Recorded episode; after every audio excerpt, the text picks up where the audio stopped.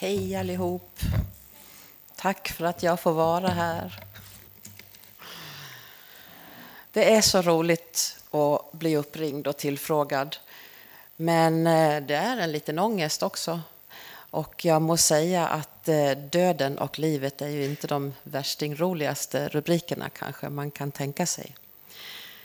Men jag sa till Johanna här inne att jag blir alltid lite utmanad och eh, tänker att jag ska inte vika undan utan nu kör vi. Eh, jag älskar eh, Paulus och jag hatar Paulus. Det är mitt utgångsläge. Men hans brev till Filippi är fantastiskt. Hela brevet, jag tänkte ett tag att jag struntar i att predika. Jag läser sakta hela brevet för er och så lever vi i det en stund. Ehm, men eh, jag ska drista mig att läsa lite fler verser än de som står föreslagna. Så jag läser inledningen och några verser framöver och sen läser jag de verserna som är föreslagna för dagen. Till de kristna i Filippi. Hälsning. Från Paulus och Timoteus, Kristi Jesu tjänare, till alla de heliga i Kristus Jesus som bor i Filippi. Särskilt församlingsledarna och medhjälparna.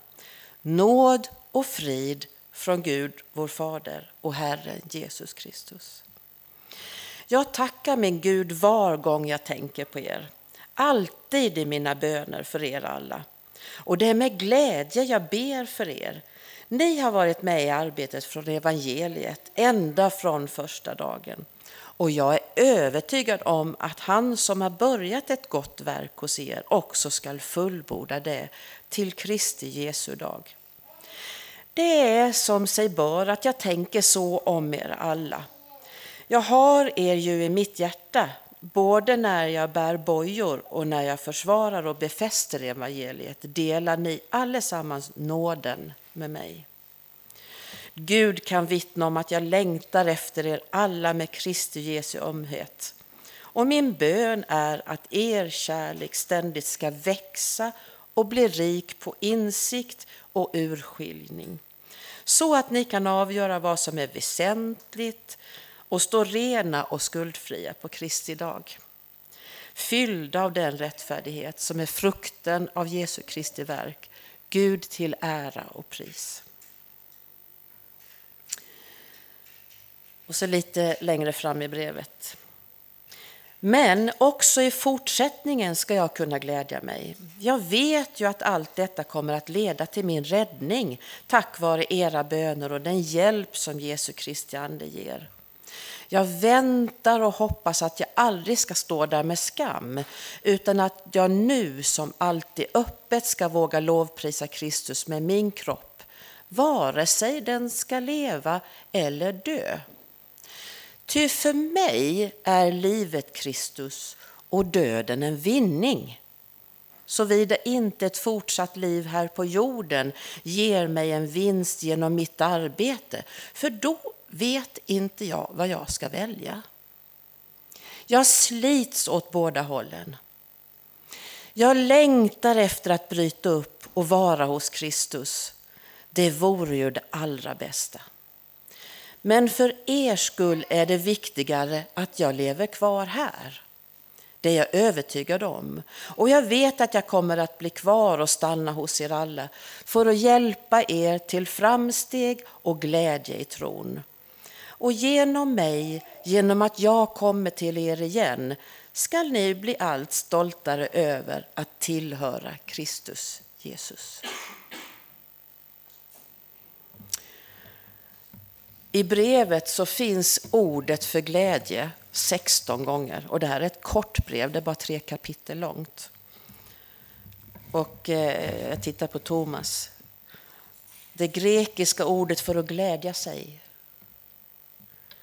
och att vara glad, chairo, glädje, chara och att glädja sig tillsammans, synchairio.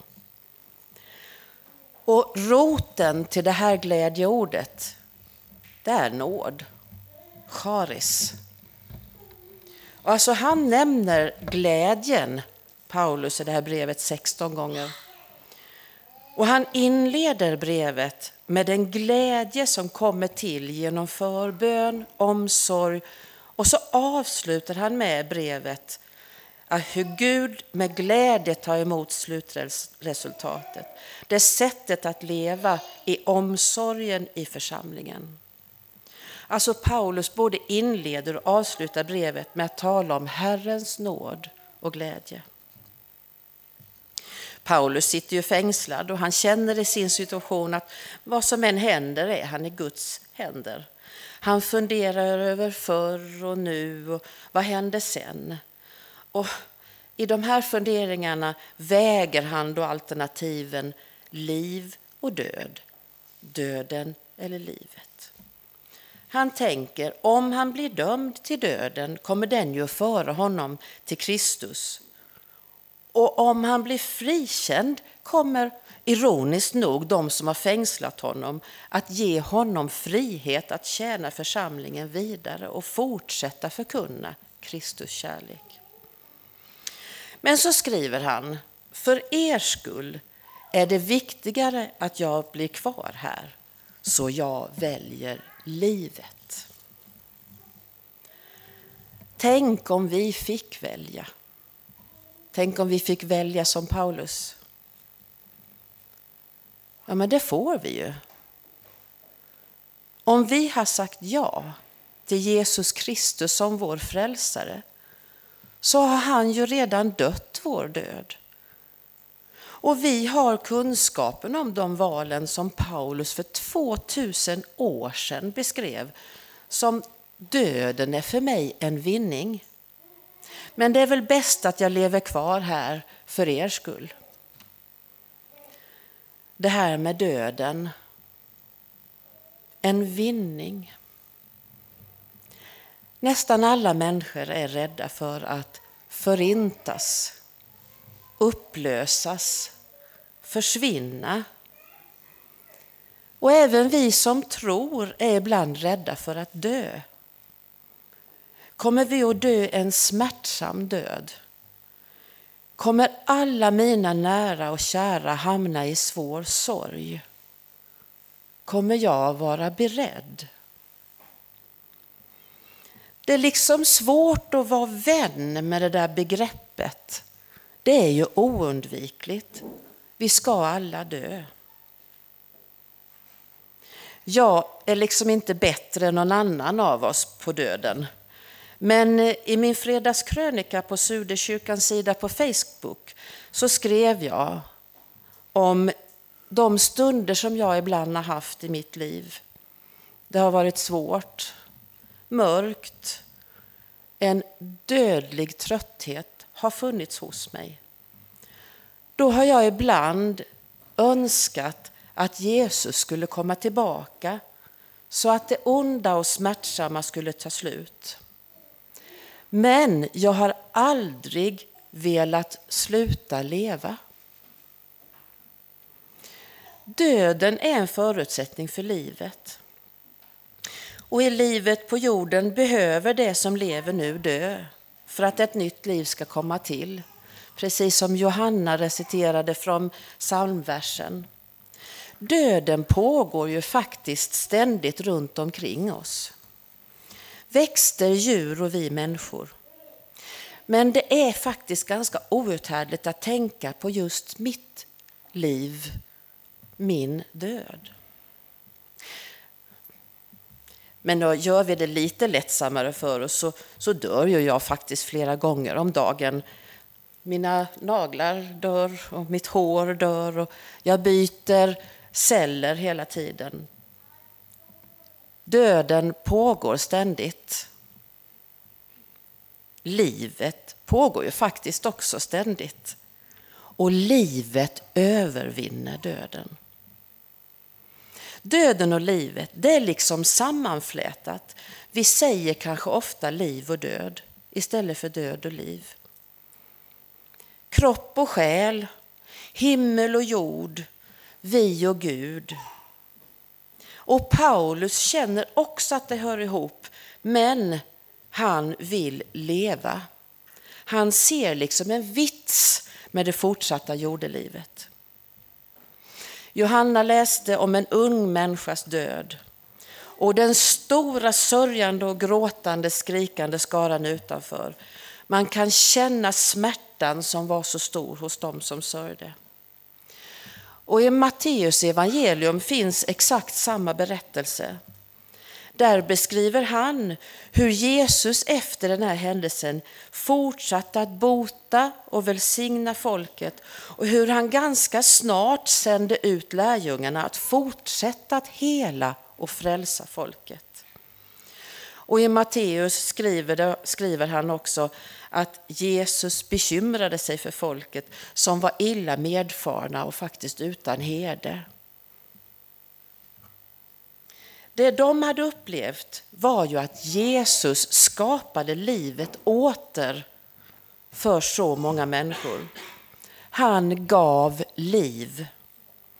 Och en del av hans tanke måste ha varit, precis som Paulus tänkte, till nytta för Guds rike. Ja, men det är väl en av Bibelns tankar, att våra liv är tänkta i livets tjänst, i samklang med livets Gud. Lärjungarna blir ju sända att tala om livet och även ett liv bortom graven, men kanske inte det i första hand. Och att tro på ett liv efter döden, men kanske att också tro på ett liv före döden. På religionstimmarna på jobbet så har jag nu ett par veckor talat om att religion kan för en del människor vara meningen både med livet men också meningen i mitt liv. Vad är meningen med ditt liv? Vad är meningen med ditt liv? Vad är meningen i ditt liv? Vad är meningen i ditt liv? Att livet är ändligt här på jorden, det kan faktiskt vara en central och viktig insikt för oss att skapa meningen med livet. Att livets förgänglighet är vad som gör livet värdefullt. Jag tror på ett liv före döden. Ibland säger vi när någon har gått bort att hen levde tills hen dog då menar vi att den personen var verkligen livfull. Han levde tills han dog. Han kanske var väldigt aktiv tills den gick bort. Det skulle jag vilja att man säger om mig också. Men det är ju svårt att veta hur man lever på det bästa sättet och vad man har för gåvor att förvalta och vad man kan göra nytta av. Och kanske det till och med är bråttom. Det sägs att vårt liv är i snitt 4 000 veckor långt. Oh, bara 4 000 veckor. Hur ska vi hinna med att göra allt vi vill göra? Och hur kan vi leva effektivare? Och får våra barn sina behov tillgodosedda får jag uttrycka mina behov och mina önskningar. Och hur ska jag hinna med dem och alla andras behov och alla uppdrag och jobb och krav? Ja, men hörni, idag finns ju massor av tips på time management, tidshantering, att få tiden att räcka till. Effektivare morgonrutiner. Så här lagar du veckans mat enklare med de här maskinerna. Här är en app, den maximerar din träning, den maximerar din arbetsdag, den till och med kan maximera din sömn. Ja, vi kan lätt bli stressade. Och dessutom säger ju min tro då, min tro på Jesus och det jag har engagerat mig i församlingen, att jag som Paulus har en uppgift att utföra här på jorden. Mm. Ja, hon levde tills hon dog. Ja, det kan verkligen bli för mycket ibland. Jag gillar Bodil Jönssons bok Tio tankar om tid. Hon börjar med att konstatera att tid är det enda vi har. Och vi har faktiskt lika mycket tid allihop. Vi har alla 24 timmar per dygn. Så att säga jag har inte tid, det är ett diskutabelt uttryck faktiskt. Men hon betonar att det finns vissa saker vi kan bli bättre på. Vi kan bli bättre på att låta tankar få ta tid.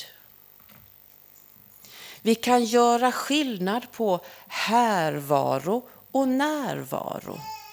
Alltså försöka vara närvaro här.